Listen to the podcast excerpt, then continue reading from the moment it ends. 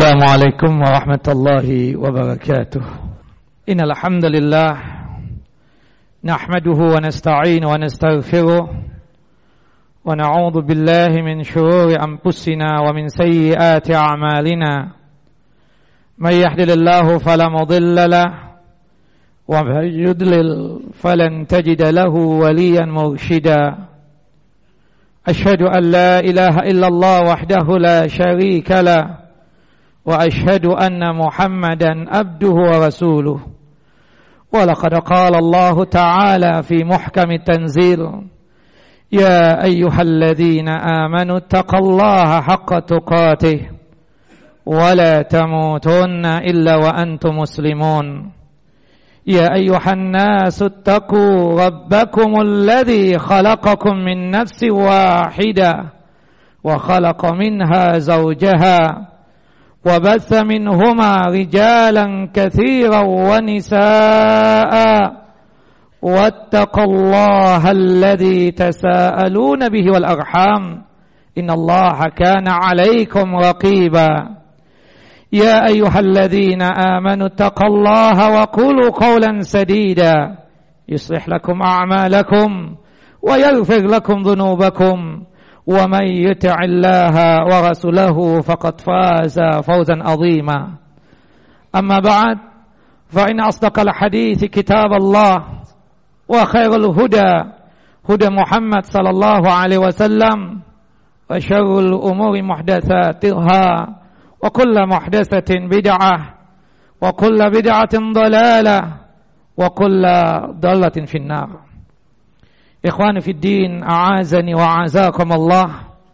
Jamaah Jum'ah yang dimuliakan oleh Allahu Jalla wa Ala.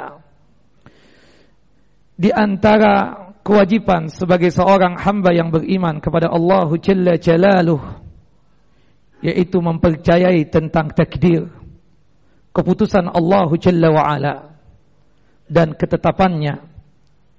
Baik itu takdir yang baik Ataupun takdir yang buruk dan kita semua wallahu a'lam.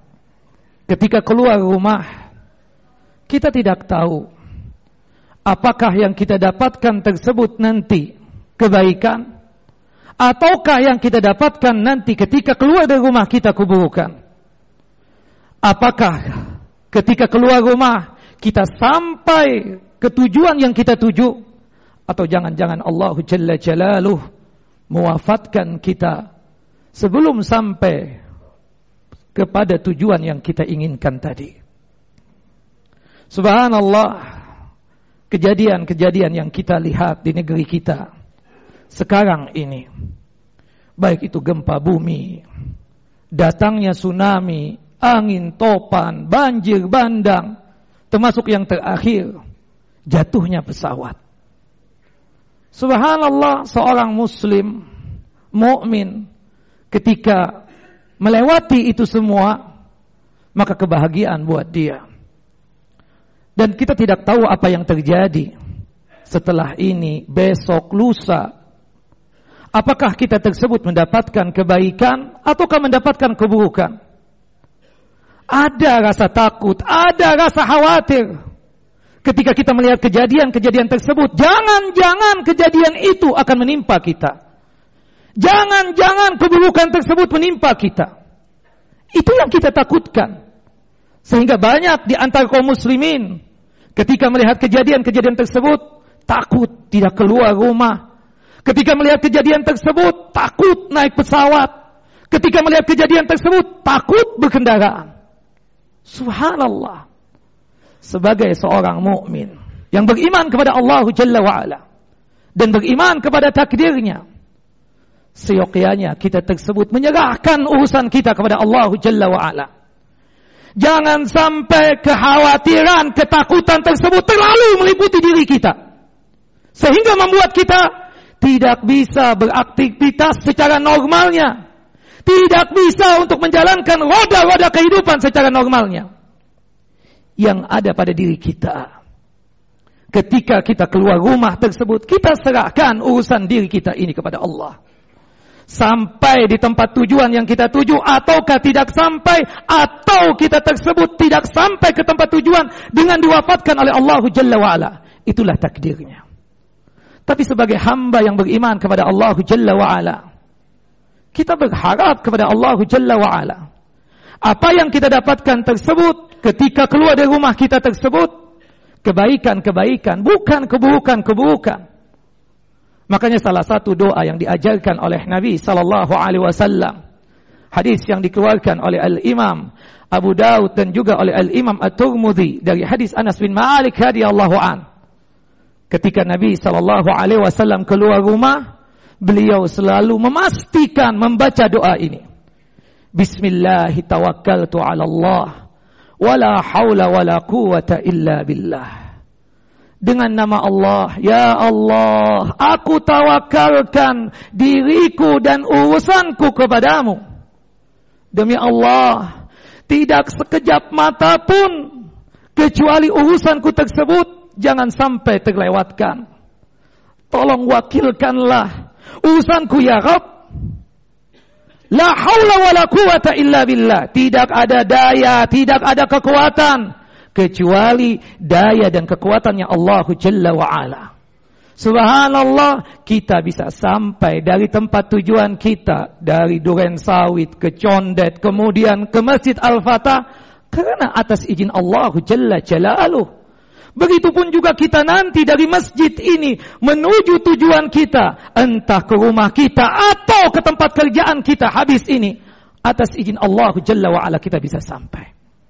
Dan subhanallah kata Nabi sallallahu alaihi wasallam, ketika seseorang sanggup setiap kali keluar dari rumah ini membaca doa ini, empat hal yang dia dapatkan. Yang pertama, hudita. Allah Jalla wa ala akan memberikan petunjuk kepada orang yang suka membaca doa ini setiap kali keluar rumah. Diantarkan dia, subhanallah, dari Polonia menuju Masjid Al-Fatah. Subhanallah, dari pondok bambu menuju Masjid Al-Fatah sampai dengan selamat. Atas bimbingan siapa? Allahu Jalla Jalaluh. Jangan nafikan seperti itu. Jangan bangga dengan kekuatan kita. Jangan bangga dengan merasa kita mampu untuk sampai ke tempat tujuan. Ya. Wallahi demi Allah ikhwan jamaah Jum'ah yang dimuliakan oleh Allah Jalla wa ala. Mereka yang kemarin dijatuhkan pesawatnya oleh Allah Jalla Jalaluh. Subhanallah, apakah mereka mengirakan dirinya jatuh dalam kondisi seperti itu? Subhanallah, ketemu dengan istrinya, anak-anaknya dalam kondisi bercanda ria. Seakan-akan tidak terjadi apa-apa setelah ini. Tapi subhanallah, Allah Jalla wa'ala tidak menyampaikan dia ke sampai tempat tujuan dia. Subhanallah, baru ke atas 15 menit dijatuhkan oleh Allah Jalla wa'ala. Begitupun juga dengan kita. Subhanallah izin Allah. Atas bimbingan Allah kita sanggup untuk sampai ke masjid ini. Begitupun juga yang kedua ketika kita sanggup untuk membaca doa ini. Bismillah tawakkaltu ala Allah. Wala hawla wala quwata illa billah. Wa kufita. Allah cukupkan rizki kita. Nikmat kita dimudahkan oleh Allah. Rizki kita mudah untuk kita dapatkan. Kadang di antara kita yang pedagang ini lebih mengutamakan skill, lebih mengutamakan kepintaran. Oh kita sudah sudah iklan di tempat ini, kita sudah ada janji dengan ini, insya dalam artian menafikan Allah Jalla wa ala pasti dapat rizki ini hari ini. Belum tentu. Subhanallah, dia keluar rumah dengan bahagianya untuk menemui menemui kliennya, untuk menemui teman bisnisnya, berharap dapat rizki dari teman bisnisnya tersebut. Gadar Allah takdirnya Allah Jalla Jalaluh menentukan bahwasannya dia tidak mendapatkan rizki itu hari ini. Subhanallah kadang di antara kita ini. Keluar rumah biasa saja. Kemana? Lihat bangunan. Subhanallah kalau dia meng, meng, menghubungkan dirinya dengan Allah Jalla wa'ala. Menggantungkan dirinya dengan Allah Jalla wa'ala. Subhanallah bismillah tawakkaltu ala Allah. Wala haula wala quwata illa billah. Keluar rumah. Dia berharap rizkinya Allah Jalla wa ala. Bangunan belum jadi. Mungkin ada yang menawar. Apakah kita memikirkan itu semua? banyak di antara kita ini baru bergantung diri kita kalau sudah ada musibah. Ya Allah, ya Rabb, jangan kita menggantungkan diri kita itu ketika kita bahagia dan ketika kita tersebut dalam kondisi mendapatkan musibah sekalipun. Makanya dalam hadis Abdullah ibnu Abbas disebutkan salah satu nasihatnya Nabi SAW kepada Abdullah ibnu Abbas rahimahullah radhiyallahu an ya i'rif Allah kenalilah Allah jalla ala. Ya'rifka fi siddah i'rif Allah fi raha ya'rifka fi siddah kenali Allah ketika kita dalam kondisi bahagia. ketika kondisi kita senang maka Allah jalla wa ala akan mengenal kita ketika kita dalam kondisi musibah. yang ketiga, ketika kita sanggup untuk membaca bismillah tawakkaltu 'ala Allah wala haula wala quwata illa billah wa wukita Allah jalla jalaluh menjaga diri kita. Kita tidak tahu keluar dari rumah apa yang terjadi. Bisa jadi gempa, bisa jadi tsunami, bisa jadi angin topan, bisa jadi tabrakan. Wallahi kita berharap penjagaan Allah Jalla wa'ala. Ya Allah, sampaikan aku ke tempat tujuanku. Kita minta dijaga oleh Allah Jalla wa'ala. Sebagai wujud tawakalnya kita kepada Allah subhanahu wa ta'ala. Dijamin orang yang membaca doa ini. Allah Jalla wa'ala akan jaga dia. Di dunia ini, ikhwan, jamaah, jum'ah yang dimuliakan oleh Allah Jalla wa'ala. Ada manusia-manusia yang suka kepada kita. Tapi ada manusia-manusia juga yang tidak suka kepada kita. Ada manusia-manusia yang sifatnya tersebut senang dengan kita. Ada yang tidak senang dengan kita. Ada makhluk yang suka dengan kita. Tapi ada makhluk juga yang tidak suka dengan kita. Kita berharap kepada Allah Jalla wa'ala. Manusia atau makhluk yang tidak suka dengan kita. Jangan sampai keburukannya, kejelekannya sampai kepada kita. Salah satu caranya serahkan diri kita kepada Allah Jalla wa'ala dan urusan kita. Niscaya Allah Jalla Jalaluh menjaga diri kita. Dan yang terakhir jamaah Jum'ah yang dimuliakan oleh Allah Jalla wa'ala. Dengan kita sanggup untuk mengamalkan doa yang pendek ini. Bismillahi tawakkaltu ala Allah. Wa la hawla wa la quwata illa billah. Wa tanaha anhu syaitan. Dipastikan syaitan akan menjauhi diri kita. Kita ingin syaitan itu membenci kita. Kita ingin syaitan itu menjauh dari diri kita. Sering-sering baca doa ini. Subhanallah, mungkin jamaah Jum'ah yang dimuliakan oleh Allah Jalla wa'ala. Betapa banyaknya manusia ini yang terjerumus ke dalam maksiat dan durhaka kepada Allah Jalla wa'ala. Dikarenakan dia tersebut tidak pernah mentawakalkan dirinya kepada Allah Jalla wa'ala. Kepedean dengan ahli ibadahnya. Kepedean dengan amal soleh yang sudah dikerjakan. Saya sudah ini, sudah itu. Seakan-akan syaitan jauh dari diri dia. Wallahi betapa banyaknya kita mendapatkan ustadz, orang alim, mubalik yang terjatuh ke dalam maksiat. Kenapa? Bisa jadi dikenakan dia tidak pernah meminta pertolongan kepada Allah Jalla wa'ala dalam melakukan perbuatan amal saleh ini. Subhanallah kita sanggup mengerjakan salat Jumat atas petunjuk dan pertolongan Allah Jalla wa'ala. Makanya Nabi SAW mengajarkan kepada sahabat Mu'ad bin Jabal radhiyallahu an dan ini termasuk bagian daripada zikir setelah salat wajib kita. Ya Mu'az, jangan engkau tinggalkan ini doa. Jangan engkau tinggalkan ini zikir. Dibaca setelah salat wajib. Allahumma inni ala zikrika wa syukrika wa husni ibadatik. Ya Allah, tunjukilah aku, berikan pertolonganmu kepadaku ya Rabb. Agar aku ini selalu sanggup untuk mengingatmu agar aku ini selalu sanggup untuk berzikir kepadamu. Minta tolong kepada Allah Jalla Jalaluh. Ya Rabb, tolonglah aku agar aku ini selalu sanggup untuk bersyukur akan nikmat-nikmat yang telah Engkau anugerahkan kepada aku. Banyak di antara manusia dikasih kenikmatan, dikasih kebahagiaan, dikasih kesenangan tidak sanggup untuk bersyukur kepada Allah Jalla wa'ala. Kenapa? Menafikan Allah Jalla wa'ala. Kita sanggup berzikir, kita sanggup bersyukur atas pertolongan Allah Jalla wa'ala.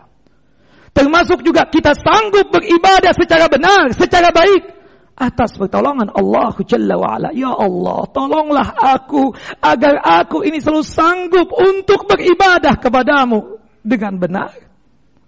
Subhanallah, jangan sampai kita tersebut menafikan hal ini. Minta tolong kepada Allah Jalla wa'ala. Setiap kali kita keluar rumah, kita tidak mau kejadian-kejadian buruk tersebut menimpa kita. Kita tidak ingin musibah-musibah tersebut menimpa diri kita, menimpa keluarga kita, menimpa teman kita. Maka amalkanlah amalan ringan ini. Fadilahnya, keutamanya luar biasa. Banyak di antara kaum muslimin yang melupakan tentang doa ini. Seakan-akan dia tersebut menafikan Allah Jalla wa'ala tentang kejadian-kejadian ini. Subhanallah. Jangan terlalu pede dengan keilmuan kita. Jangan terlalu pede dengan kekayaan kita. Jangan terlalu pede dengan kehebatan dan kekuatan kita. Semua itu tidak bisa jalan kecuali atas izin Allahu Jalla wa'ala. Begitupun juga kita berharap kepada Allah, berdoa kepada Allah. Jangan sampai keburukan dan musibah tersebut menerima kita atau kita dapatkan dengan cara selalu menggantungkan diri kepada Allahu Jalla wa'ala. Bismillah tawakkaltu ala Allah wala hawla wala quwata illa billah. أقول قولي هذا واستغفر لي ولكم ولسائر المسلمين والمسلمات إنه هو الغفور الرحيم